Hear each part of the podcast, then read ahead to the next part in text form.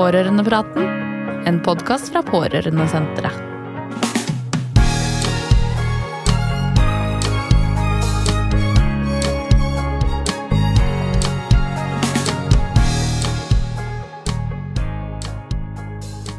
Mange har søsken. Jeg for eksempel, jeg har en bror. Noen søsken har en eh, funksjonsnedsettelse, en utviklingshemming, en utviklingsforstyrrelse, en sykdom eller et syndrom. Jeg heter Anne Kristine Bergem, og i studio i dag har jeg med meg Ingvild Stjernen Tisløv, som også har en bror. Hennes bror har noe som heter Downs syndrom. Velkommen, Ingvild. Tusen takk. Du, er du storesøster eller lillesøster? Jeg er storesøster. Og så har du en bror. Har du flere søsken? Ja, jeg har også en lillesøster. Mm. Ja, Så du er sånn dobbelt storesøster. Ja. ja. Du, kan du huske når du skjønte at det var noe med lillebroren din? Ja det er, litt, det, det er to svar på det. Fordi jeg fikk jo vite det da han ble født. eh, Når mamma og pappa fikk vite det. Og så skjønte jeg det kanskje eh, på en måte litt seinere, hva det betydde. Så jeg fikk jo informasjon, men å forstå hva den informasjonen egentlig betydde, det tok ganske lang tid. Og det er kanskje noe som ja, tok lengre tid enn man skulle tro. Ja. Ja, for selv om du fikk vite at det var noe som het Downs syndrom, og at broren din hadde det, så sier jo ikke det så veldig mye. Nei, det gjør ikke det. Nei, hva, Men kan du si noe om det nå, da? Hva, hva er Downs syndrom? Det er jo et syndrom, det er noe som man er født med. Eh, Man har et ekstra kromosom. Og så er det jo sånn at selv om du har et ekstra kromosom og har det syndromet, så, så vil det være veldig forskjellig hvordan personer med Downs syndrom fungerer. eh, Hvordan de er. Eh, Det er like stort spenn i personlighet og fungering blant folk med Downs syndrom som det er blant andre folk. Ja, og så er det en ting som jeg har lyst til å spørre deg om, fordi at jeg, jeg kjenner jo eh, noen som har Downs syndrom, og jeg kjenner noen som har en i familien sin med Downs syndrom. Og eh, noen av dem har hatt sånn at de har eh, hjerteproblemer, Mm. eller at de kanskje har noe med hørselen sin. Altså at de har noen sånne ting i, liksom i kroppen, Mm. eh, i tillegg til at de er litt annerledes Mm. eh, i måten kanskje å være på og, og sånn utviklingsmessig, da. Mm. Eh, Hadde broren din noen sånne eks, ekstra sykdommer? Ja, han hadde også hull i hjertet. Ehm, og, og det er jo en sånn ting som man Som barn så høres jo det også veldig alvorlig ut. Så vi var jo Det var noe som jeg syntes var skummelt at han hadde. Og, eh, og så um, husker jeg at han ble veldig syk en gang når han eh, Da var han vel kanskje sånn seks-syv ja, Nå skal jeg være litt forsiktig med å anslå tid, men han var i hvert fall uh, liten uh, og ble veldig influensasyk. Eh, og da var på en måte det med at han hadde hjertefeil noe som gjorde at det ble ekstra skummelt. Da. Og at vi var redd for at han kunne dø, eh, og at han ble lagt inn på sykehus og, og fikk eh, pustehjelp. Da. Så det, det husker jeg som veldig ja, noe vi var bekymra for når han ble syk. Han ble heldigvis veldig lite syk. Han var veldig sjelden forkjøla, veldig, veldig sjelden dårlig. I hvert fall sånn som jeg husker, da. Men det var denne ene gangen. Eh, og så var jo det noe som han vokste mer og mer av seg. Så han har ikke noe hjerteproblemer nå.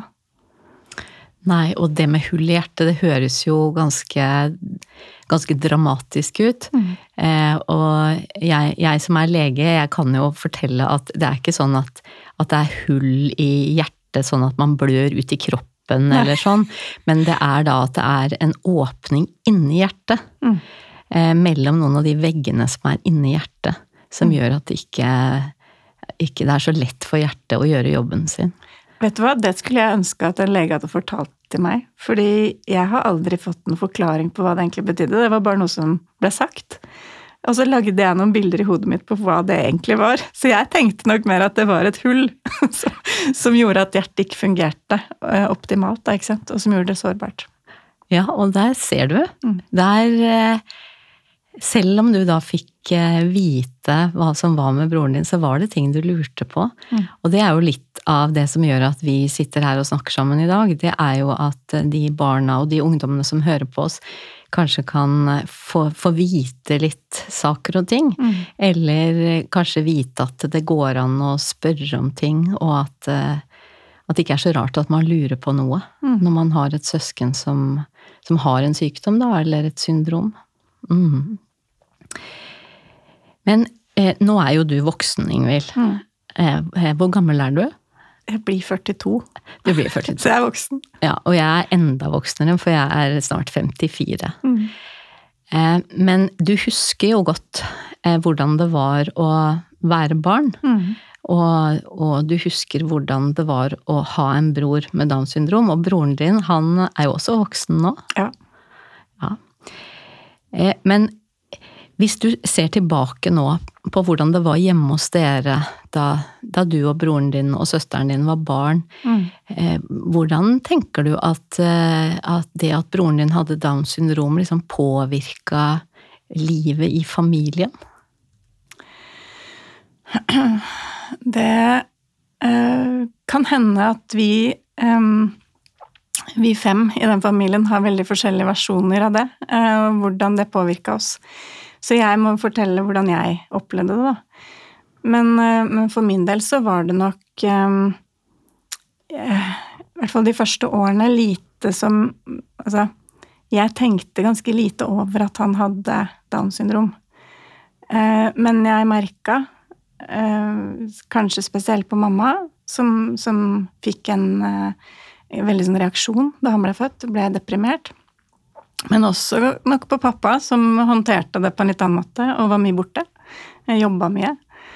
At det ble annerledes i familien.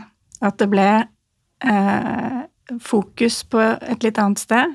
Vi var vant til å være to jenter som hadde full oppmerksomhet fra mamma og pappa.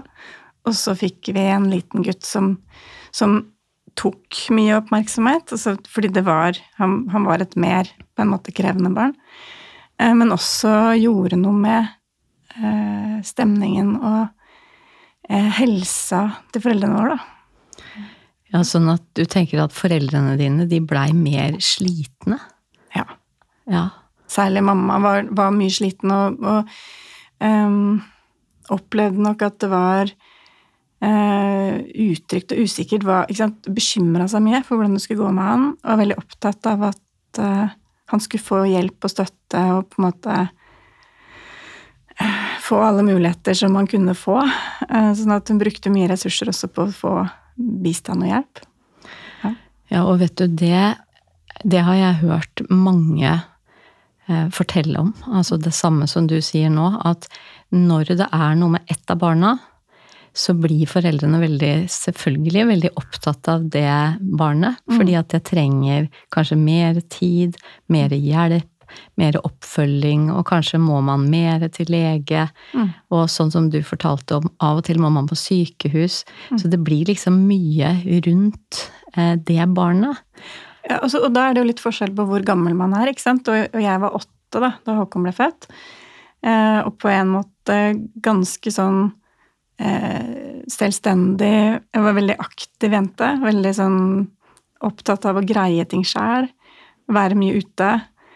Sånn at det at mamma ble liksom opptatt av den babyen og holdt på mye med han og, og drev med sånn fysioterapi og trening på språk og alt, altså, alt som han trengte hjelp til, eh, gjorde nok at, eh, at sant, Hun fikk mindre oppmerksomhet på meg og søsteren min, som, som nok påvirka søsteren min i større grad, for hun var bare tre år og hadde mye mer behov for en mamma som var tett på og så henne og møtte henne. Mens for meg så, så, så, kunne jeg også ta mer ansvar og liksom bidra.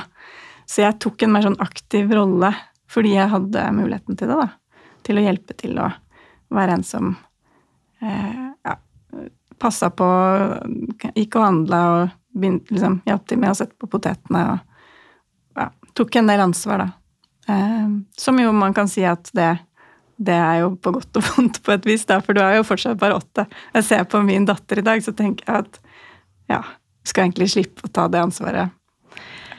Ja, og, og du er jo til og med blitt psykolog, du, Ja. eh, når du ble voksen. Sånn at du, du kan jo tenke om det som skjedde i familien din, og det som skjedde med deg, på, på sånn psykologmåte. Mm. Eh, og, og da er det jo nettopp det du sier, og som kanskje mange av de som hører på oss nå kan kjenne seg igjen i, det at man, man, må, man må klare seg selv litt mer. Mm. Og så er det litt fint, og så er det litt leit. Og så er jo spørsmålet Tenker du at det måtte måte har tatt noe fra deg? At det liksom har gått utover deg? At du mista noe? Altså, har du, har du tenkt på, på sånne ting?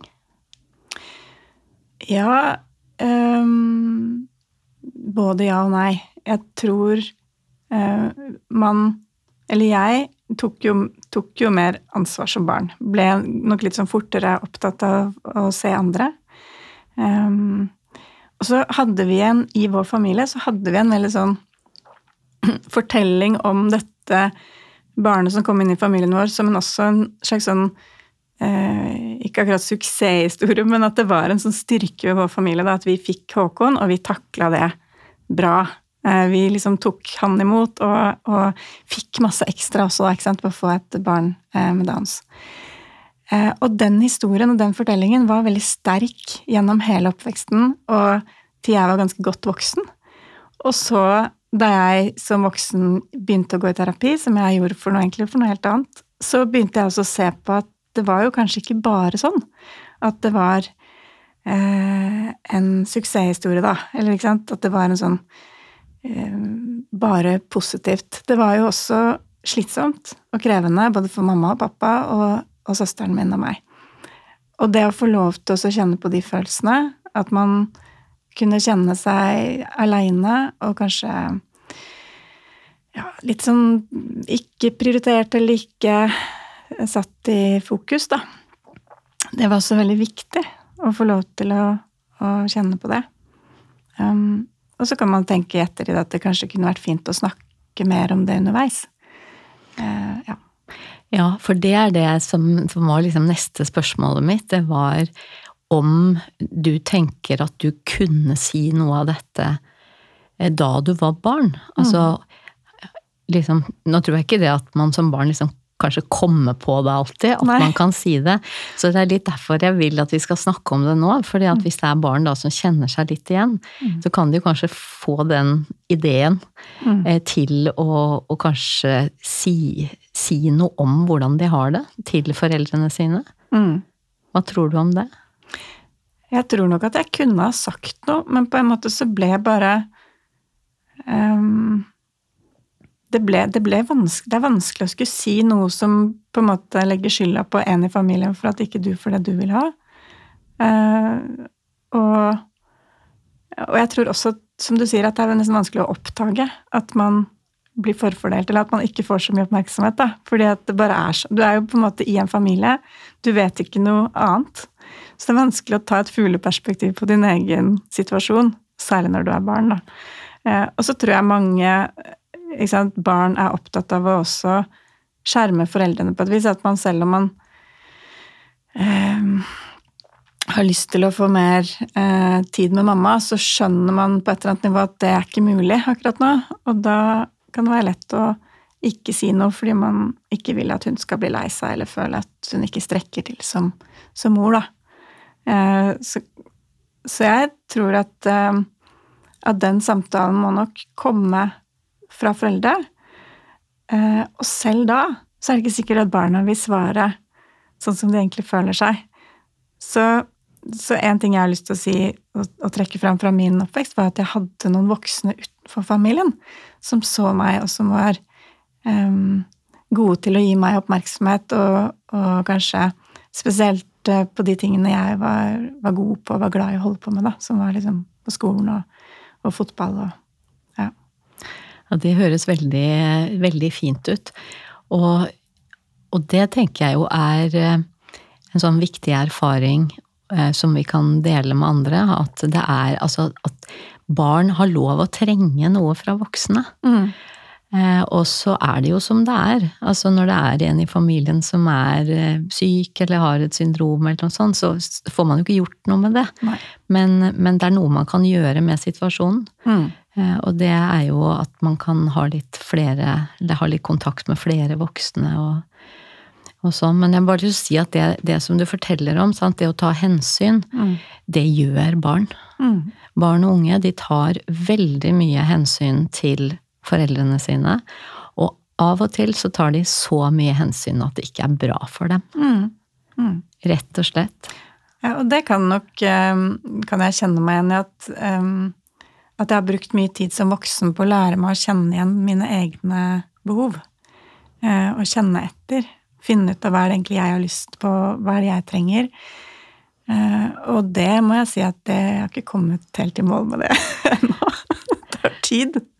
Ja. Det tar tid.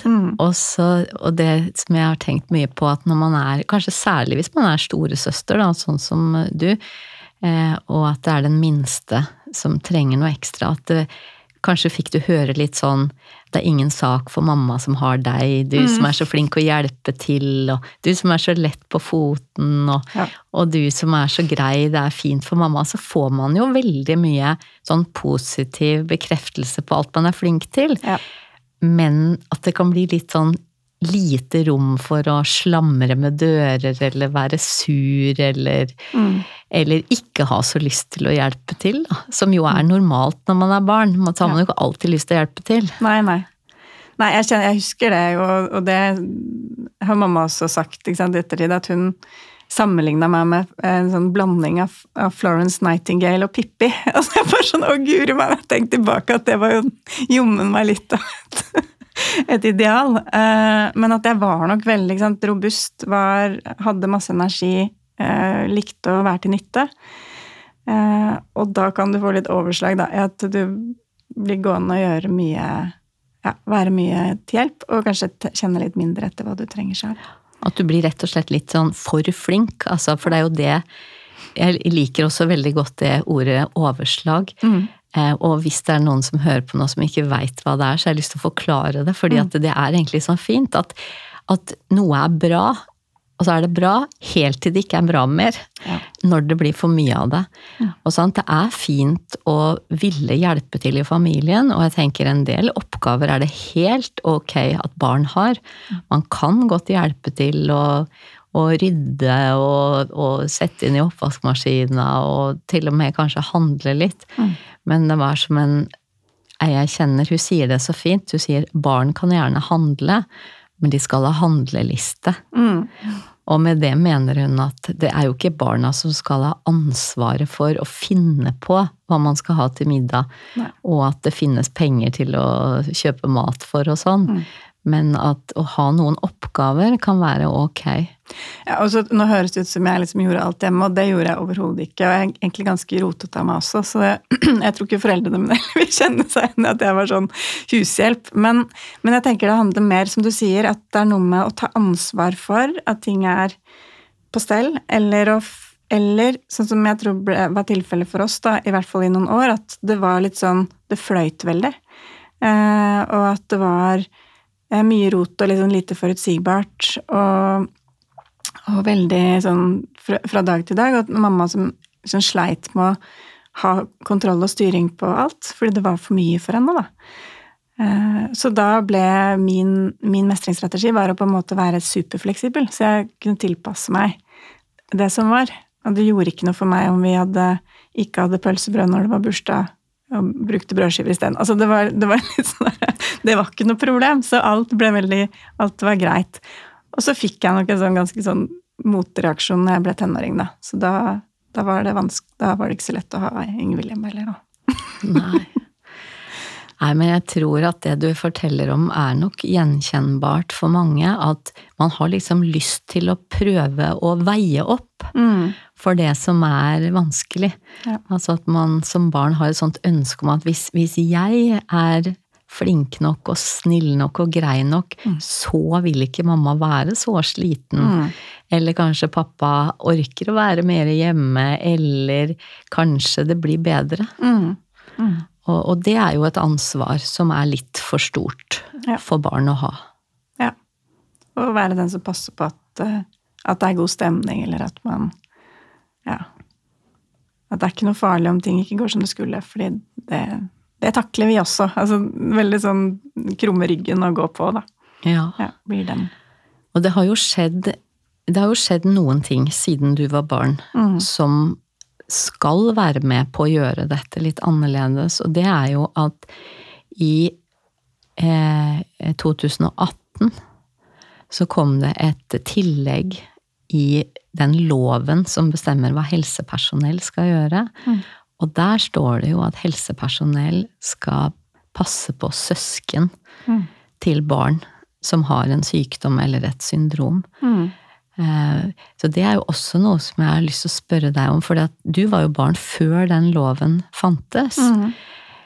Men var det noen av de som jobba på sykehuset da dere var der, eller noen i kommunen, eller noen av de som, som dere hadde kontakt med, som, som liksom brydde seg om dere søsken? Nei, det var det ikke.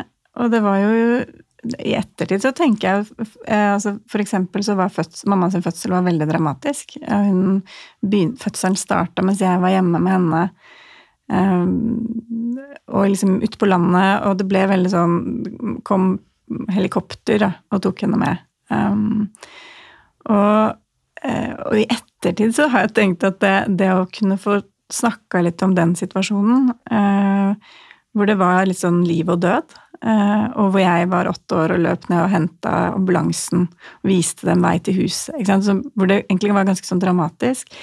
Det å få, få, ja, landa litt, eller for, forklart hva det var som skjedde, og hvordan um, Få liksom høre det hvordan hun skulle få hjelp, og, og hvorfor, det måtte, hvorfor måtte flys med helikopter, og alle disse tingene. Det hadde jo nok vært ålreit å snakke om i ettertid. Og i, i det de fikk vite at Håkon hadde Downs syndrom, at man også kunne hatt en samtale med søsken da, om hva det egentlig betød. Og så er det jo sånn at øh, jeg har foreldre som er, som er gode til å snakke og fortelle og forklare, øh, og, og som kunne formidle til oss hva, på en måte hva det betydde, selv om de kanskje ikke hadde helt forståelsen for det selv heller. Men, eh, men det er jo ikke alle som har foreldre som, som klarer å formidle så godt til barn. Sånne ting. Så, Nei, og det du sier, det er kjempeviktig, for det, det vet vi jo uansett hva det er som skjer. mm. Eh, At eh, barn og unge, de skal få informasjon. Eh, Og, og at hvis foreldre trenger støtte fra f.eks. helsepersonell, da, Mm. så, så skal de få det. Det er jo derfor den loven kom. Mm. Men det er jo ikke sikkert at alle opplever det sånn. Nei. Men, men allikevel så tenker jeg det er litt fint at vi kan fortelle de barna som hører på, at, at de, har, de har faktisk lov å, å be om en samtale med noen på et sykehus da, eller eh, hvem det nå skulle være. Mm. Og det syns jeg er litt gøy å fortelle, fordi at jeg har faktisk vært med på å gi opplæring til helikopterpiloter Oi. om at de skal snakke med barn eh, hvis de er på et sted og det skjer noe med et annet barn eller en voksen. Oi. Så det er, ja, det er veldig bra. Så det er mange som bryr seg om barn, og som har lyst til å bli bedre på å snakke med barn og se barn og gi informasjon til barn. Mm. Ja, for det hadde jo vært eh, hvis, hvis noen av de ambulansesjåførene kunne sagt, satt seg ned litt, ikke sant? For det ble jo kaos når alle skulle av gårde med det helikopteret. Og, men det var jo fortsatt noen bakkepersonell som kunne tatt seg ti minutter og liksom forklart hva det var som skjedde. da. ja, og det, det er jo budskapet til de folka. Det er at eh, de minuttene må de bruke Mm. på barna. Fordi det er veldig viktig for barn å få informasjon. Mm. For eh, hvis man ikke får vite hva som skjer og hva som skal skje, så, ja, da sitter man jo der med fantasiene sine, da, og fantasier kan være ganske skumle. Mm. Og ja, og så er det vanskelig å spørre òg, fordi ikke vil man føle, føle seg dum, og ikke vil man bry noen, og ja. Og det er ikke noe godt å være aleine med, med vonde følelser eller fantasier. Mm. Ja.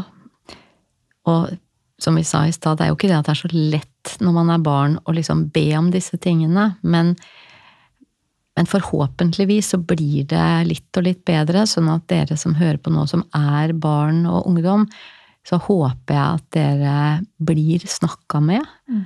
og at dere får muligheten til å spørre om ting. Eh, Og det, det skal dere bare gjøre. For eh, voksne, det er voksne sitt ansvar å ta vare på barn, uansett faktisk hvor slitne voksne er, så er det voksne sitt ansvar. Og så må de heller få hjelp av andre voksne. Mm. Um, så det er litt viktig. Det sier jeg til voksne òg, altså at dere har ansvaret for barna, uansett hvor slitne dere er.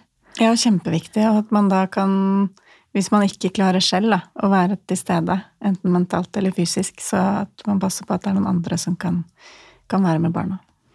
Ja, og det er mange voksne som vil hjelpe og støtte barn. Mm. Heldigvis. Men jeg tenkte på det at eh, hvis bare, Det var én ting til jeg hadde lyst til å spørre litt om, som jeg tror at kanskje noen barn tenker på. Og det er Har du noen gang vært flau over broren din? Og så, og så liksom skamma deg litt over at du er flau? Altså sånne ting. For det tror jeg det er ganske mange barn som gjør, men det er ikke så lett å si det. Ja, eh, jeg har jo eh, Jeg har nok det. Samtidig så var nok jeg på en måte litt sånn eldre. Jeg gikk jo aldri um, Vi gikk jo ikke på samme skole, ikke sant? Sånn at uh, uh, Så jeg tror nok at kanskje søsteren min har vært mer sånn fordi jeg har gått på samme skole, og da, da ser man jo han i situasjoner som ikke er ok, ikke sant? Men men jeg har, jo, jeg har jo blitt veldig sint på han. Så, eh, liksom, og skamma meg etterpå for at jeg har blitt sint. Og kjent at det er ikke greit. Jeg skjønner jo at han ikke mener det, eller at han ikke vil bli så vanskelig. Og så allikevel så blir jeg så innmari forbanna, da.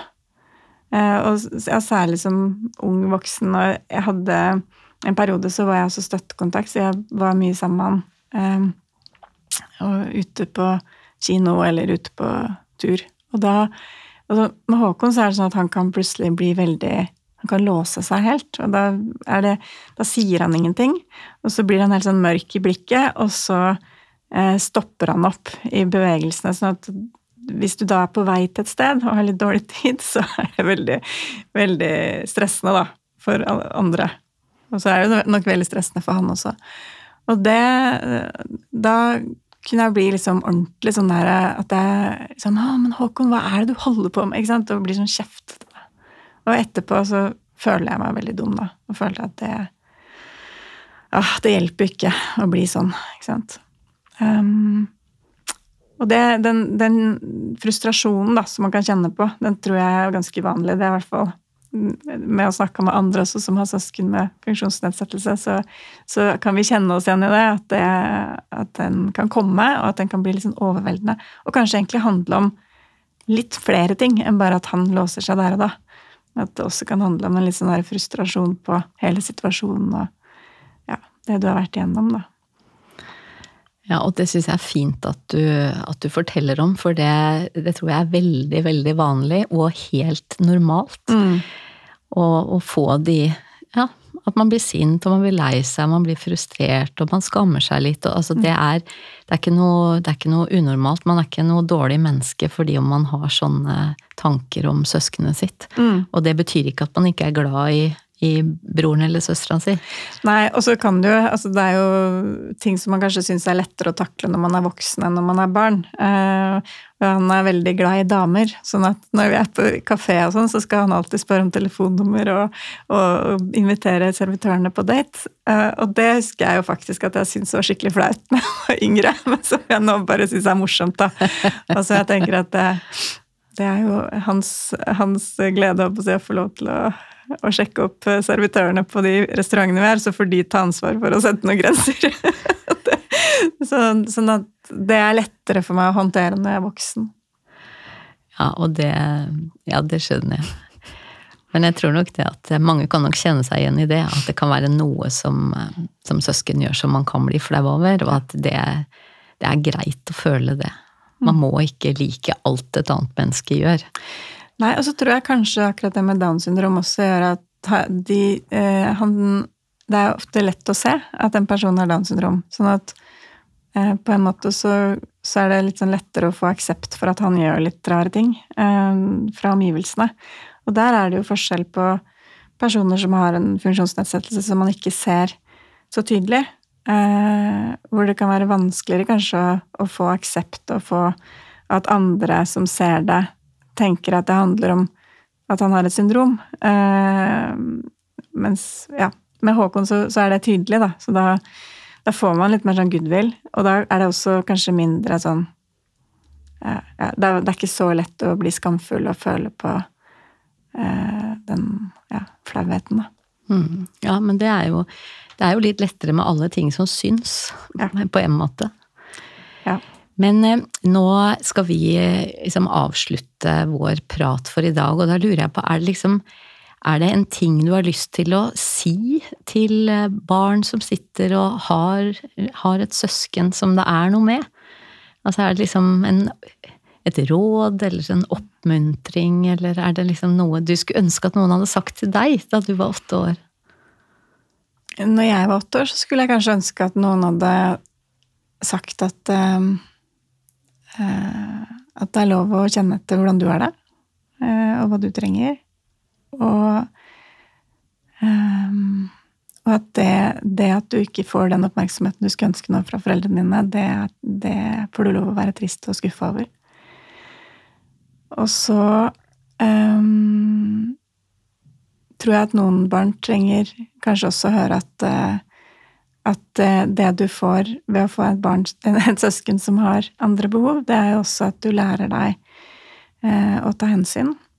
Du lærer deg at, eh, at det er ulik, folk har ulikt utgangspunkt for å klare ting i livet. og at den sånn, Hvor verdifulle vi er som mennesker, det handler ikke om hva vi får til, men at vi er mennesker. Um, og at du kan se tilbake på at det, den oppveksten, den kommer til å ha lært deg noe viktig om livet som er vanskelig å lese deg til fra en bok, da.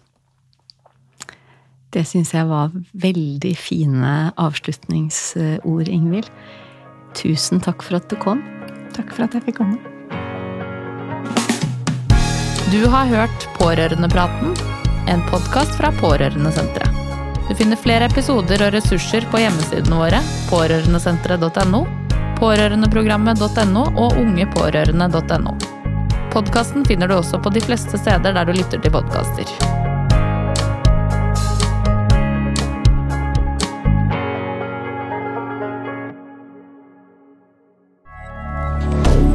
Moderne media.